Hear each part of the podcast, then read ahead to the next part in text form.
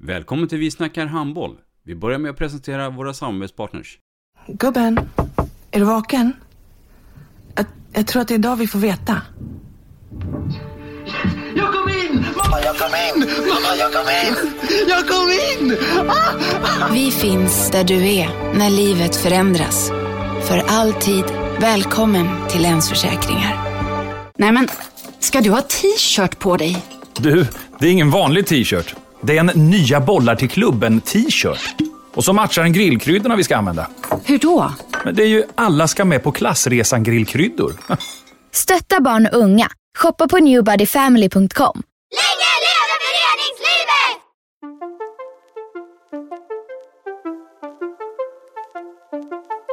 Välkommen säger vi till dig som lyssnar till den nya handbollspodden Vi snackar handboll med Robban Z. Vi snackar handboll, där du får veta alla sanningar som du inte visste att du missat. Vi snackar handboll. Idag i programmet Vi snackar handboll så har vi en av många förbundskaptener. Denna gång Tony Johansson för det svenska U-landslaget födda 0607. Varmt välkommen Tony. Tack så mycket. Vem är Tony Johansson? Nyss eh, fyllda 32 år, eh, ursprungligen från söder om Stockholm, Tyresö. Eh, bor just nu i eh, Helsingborg och eh, tränar OV Helsingborg och sen eh, lite förbundsjobb på det också. Mm, jag tänkte vi skulle prata en hel del om det. Är, är det handboll 724? Eller hinner du med något annat också? Jag hinner eh, spela mycket golf, eh, annars är det väldigt mycket handboll. Ja. Eh, det är väl handboll för hela slanten egentligen. Eh, och det är så det har varit de senaste 7-10 åren. Mm. Du har ju varit med i några år eh, och jag, jag tänker inte nämna den unga ålder som du sa själv där, men, men du vet ju vad som händer där. Om vi då pratar det här landslaget nu som du har eh, förtroende för, 05-06. Berätta lite grann hur, hur dina tankar och hur planeringen ser ut. Ja, 0607 är det de, Ja, de förlåt. Ja, precis. Eh, nej, men planeringen var ju, vi fick ju flytta Sverigecupen på grund av pandemin, så vi hade Sverigecupen här för någon månad sedan. Eh, Såg 06 erna eh, Här på USM-finalsteget så följer vi upp lite spelare 06 om vi har missat någon som inte var med i Sverigecupen på grund av skador. Och sen är det första gången vi egentligen scoutar årgången födda 07. Eh, Vad är din spontana känsla efter eh, Sverigecupen och delvis här i Uppsala på USM? Jag tycker kvaliteten var väldigt bra på 06 i Sverigecupen. Det var många bra typer framförallt. Eh, Många intressanta typer. Vänsterhänta, långa, korta, snabba, explosiva. Eh, De flesta ingredienserna. Målvakter? Målvakter fanns det gott om. Eh, Några väldigt duktiga där också. Eh, 07 där är det ju lite svårare. Det är ju fortfarande barn som spelar handboll. Eh, Fysiken har ju en väldigt... Mär- Märker man det? Ja men det märks. Eh, Det är också, det kommer misstag eh, som det ska göra och det är ett lag som kan egentligen göra 4-5-0 på 2-3 minuter. Det är ju inte, det är ingen riktig taktik bakom någonting utan som det ska vara. Man spelar väldigt spontant och jobbar på det. Och fysiken i 07 har ju stor betydelse, helt klart. Eh, Det finns ju de som är färdigvuxna och de som har fysiska färdigheter och så finns det de lite små tekniska som har lite problem med bollen eftersom man spelar utan klister. Så det är, en, eh, det är en blandning när det är i den åldern och det brukar alltid vara det. Så det, det är lite svårare att, att, att sortera ut men det är ju såklart kul att se alla olika typer som finns. Förmodligen lite annorlunda om vi skulle sitta här om ett år igen eller kanske två år, för då har det hänt mycket. Ja, alltså alla kommer ju växa minst några decimeter om vi pratar om två år. Ja. det, och, och framförallt lägger de på sig väldigt mycket muskler och eh, det här lite gängliga försvinner, man får en bättre fin koordination och allt vad det innebär. Du, eh, vi- de stora klubbarna finns ju bland annat här. Men eh, i ditt fall så är det väl så att du tittar inte bara på de stora klubbarna. Det finns väl en massa småklubbar nu som har duktiga och talangfulla spelare. Ja, på pojksidan så är det ju eh, Lödde är ju med, Bankeryd, eh, Hammarby, Ystad, eh, Kävlinge, eh, Halmstad eh, bland annat. Så, så det är ju ganska många Plus många klubbar som inte är här. Ja, Eh, ja, så är det ju absolut. Det finns ju hur mycket som helst eh, om man ska prata klubbar ute i landet. Ja. Jag såg nya anmälningslistan där för USM till nästa säsong och det var ju hur mycket lag som helst, eh, vilket är såklart väldigt roligt. Ditt, ditt bästa och godaste råd nu till de här spelarna nu, när, när du pratar som förbundskapten, men ändå lite allmänt. Vad, vad, vad, vad skulle du vilja säga till dem? För jag, jag är ute efter det, den här jakten, att jag måste komma med här och nu. Ja, eh, nej men det finns ju såklart många råd som alla, alla redan har hört, att man ska, man ska ta det lugnt, det får ta det den tiden och så vidare. och så vidare. Men jag, jag kan väl tycka att eh, det händer väldigt mycket från pojke 14 till pojke 16. Man går upp en bollstorlek, man får använda klister. Mm. Eh, det är en stor fördel för eh, svensk handboll överlag att man får klister där. Alltså när jag spelade så, så fick man ju inte ha klister som mm. pojke 16 och det var ju enormt problem för oss som var lite mindre som inte, hur ska man säga, så svårt att greppa bollen och, och, och, och få problem tack vare det. Eh, sen finns det ju andra saker, bara för att man inte blir en bra handbollsspelare på, på elitnivå så kan man göra andra saker. Jag menar döma, eh, bli tränare, allt vad det innebär. Eh, ja, om man tar mig som exempel så ja. blev jag förbundskapten eller tränare istället för spelare. Då har jag ändå, ja, jag har spelat tre steg fem i USM men blev ingen elitspelare för det. Nej, nej. Otur. Bra att du säger det. Jag tänker på dig och relationen med alla klubbtränare. Välkomnar du att eh, alla tränare hör av sig till dig och, och ger tips och råd? Och hur tänker du och tvärtom? Ja, men uppföljning är ju en av de kriterierna som det gäller att vara noggrann i när det gäller spelaruttagningar. Eh, vi hade ju uttagning nu till riksläge 1 med pojkar 06. Eh, fick inte så mycket respons från klubbarna. Så det brukar vara att man har gjort ett bra jobb i, i första läget. Eh, mitt team gjorde ett fantastiskt gediget jobb där i, i, i Sverigecupen och, och jag tycker vi har bra koll. Vi har även kollat lite USM och sådär. Mm. Men eh, sen, blir, sen blir det såklart viktigt att kolla och följa upp med, dem, med alla ledare som har lag med. För, vad, vad jag är ute efter lite grann, det var att jag, jag, jag, av erfarenheten så tycker jag att klubbtränare är för dåliga på att höra av sig. Och det behöver inte vara att man ska tjata in sig, utan mer hur tycker du man ska tänka med den här killen? Eller, det, det är den dialogen. För jag gillar inte att man pratar om Tony Johansson. Jag vill ju prata med Tony Johansson. Det är bara att ringa. Jag svarar aldrig. Men det, nej, nej, men, det, alltså, ja, absolut. Det är väl bara... Eh, en dialog överhuvudtaget är ju bättre än en monolog. Eh, sen, sen har ju vi... Man bygger ju upp någon form av eh, kontaktsnät och scoutingläge med sin ledartrupp som man har byggt kring pojkar 0607 då så försöker vi sprida ut oss lite geografiskt så man har koll på olika områden. Öst, norr, väst, sydöst, sydväst och vad det, allt vad det innebär. Mm. Det var ju Sverigecupen nyligen. Nu blir det ett riksläger.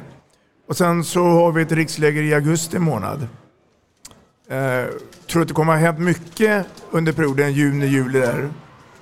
Det finns ju de som växer väldigt mycket på sommaren. Ja. Eh, så jag kan tänka mig att det kommer vara några som har blivit lite större, eh, lite längre, lite bredare. Eh, så det händer ju väldigt mycket på den fronten. Handbollsmässigt blir det ju inte så mycket som har hänt. Eh, för de spelar ju några utomhusturneringar och sådär, men annars blir det ju väldigt mycket den fysiska utvecklingen som sker varje sommar tycker jag. Mm. Man, man ser ju spelare som man knappt känner igen för de har vuxit både på bredden och höjden. Ja. Du var inne på det här när du pratade leta typer. Ehm, de nu som är kallade till rikslägret här nu i, i maj, eh, är det de typerna du har sett fram emot här nu eller eh, finns det någon avvikelse där? Nej, alltså, jag tycker man ska se väldigt brett på typer. Eh, handbollen är ju på väg att gå från att vara väldigt eh, eh stora och stabbiga till att vara små och tekniska igen. Om man ser de internationella mm. eh, typerna som finns. Så jag menar, vi får inte glömma bort de typerna som är lirare heller. Mm. Eh, utan de börjar komma tillbaka nu och i och med de nya reglerna så kan det också innebära att det ändras lite på världskartan vilka typer vi ska få fram. Och där har vi en ganska bra dialog, eller en väldigt, väldigt bra dialog med, med resten av eh, landslagsstaben, mm. allt uppifrån A-lag ner till eh, mig då som har de yngsta landslagen. Mm. Mm. Uh, håller på med flera idrotter. Skulle du rekommendera de här killarna att göra det? Eller börjar det komma till rätt läge nu att här bör man nog kanske bestämma sig? Jag tycker man ska dubbelidrotta så länge man orkar och att det fungerar med skola och eh, eh, livet i sig. Eh, dubbelidrottande har ju visat sig ur, om vi pratar eh, teoretiska perspektiv, att vara väldigt positivt. Inte bara för sporten i sig, men utan för människan. Eh, om man ser till de, eh, heter det, alla de som har forskat på det. Så. Ja. De här 06-grabbarna nu ska ju förmodligen en del in på gymnasiet, eller alla ska på gymnasiet till hösten. Handbollsgymnasium, eller inte handbollsgymnasium. Hur, hur, hur står du i den här frågan? Det är en fråga som vi skulle behöva längre tid till skulle jag säga. Eh, mitt råd är att eh, man ska alltid välja skolan i första hand. Och med det menar jag att man ska ta ett program som man klarar av eh, och som man får bra betyg i. Sen om inte det går att kombinera med nion så är, då är det tråkigt för skolan är viktigare än, eh, än en handbollsutbildning tycker jag. Och eh, där är jag väldigt tydlig med i den föreningen jag verks, eh, är verksam i nere i Skåne att eh, klarar ni inte skolan kommer ni ändå inte bli bra handbollsspelare för det blir för jobbigt psykiskt och ni hamnar efter och ni måste ta igen och ni kommer missa träningar på grund av att ni inte klarar skolan. Så mitt största och främsta råd är att eh, gå en utbildning som du tycker om och gå en utbildning som du klarar av helt enkelt. Eh, Så skolan är prio ett, ingenting annat.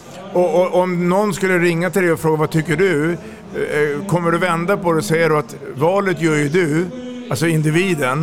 Eh, och du kan bara så fall säga precis det här du sagt nu, att, att man, man kanske ska tänka två gånger. Orkar Jag- man? Jag kommer alltid säga att skolan ska vara prio ett. Ja.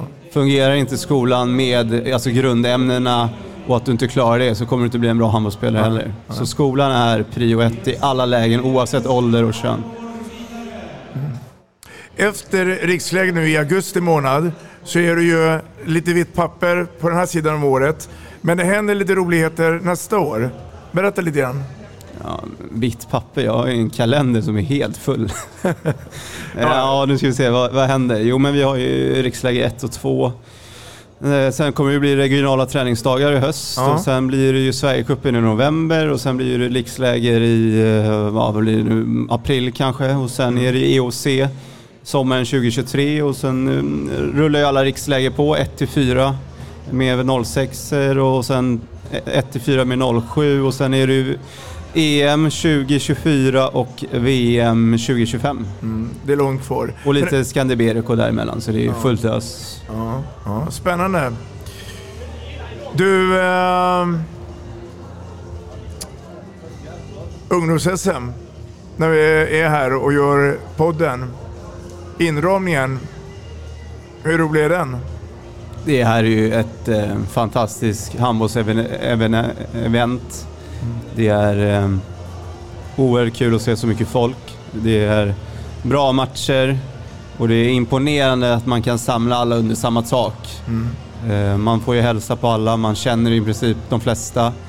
Och eh, ja, det är ju succé, det är ju svårt att säga något annat. Eh, På min, på min tid och din tid när du var ledare, då var det ju liksom då var det ju bara eh, en åldersgrupp som hade steg fem samtidigt. Precis, Eh, på och så- sex olika ställen. Sex olika ställen och, och, och det tyckte man ju när man själv var där, det var ju jävligt kul. Men tänk om man hade fått uppleva det här. Det hade ju varit, måste ju varit, det är ju hundra gånger roligare det här än att bara ha en åldersgrupp samlad på en helg. Så det är ju ett lyckat drag förening, eller, eh, förbundet gjorde för några år sedan.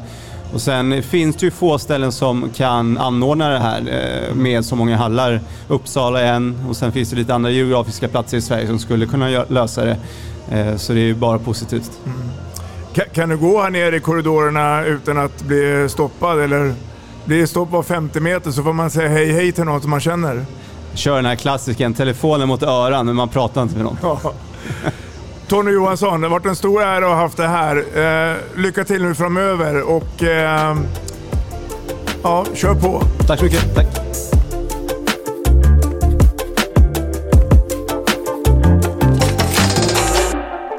Vi snackar handboll, där du får veta alla sanningar som du inte visste att du missat.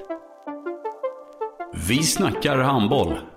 Vi snackar handboll produceras av produktionsbolaget High On Experience, från vision till passion. Ett avslutande tack till våra samarbetspartners. Hallå!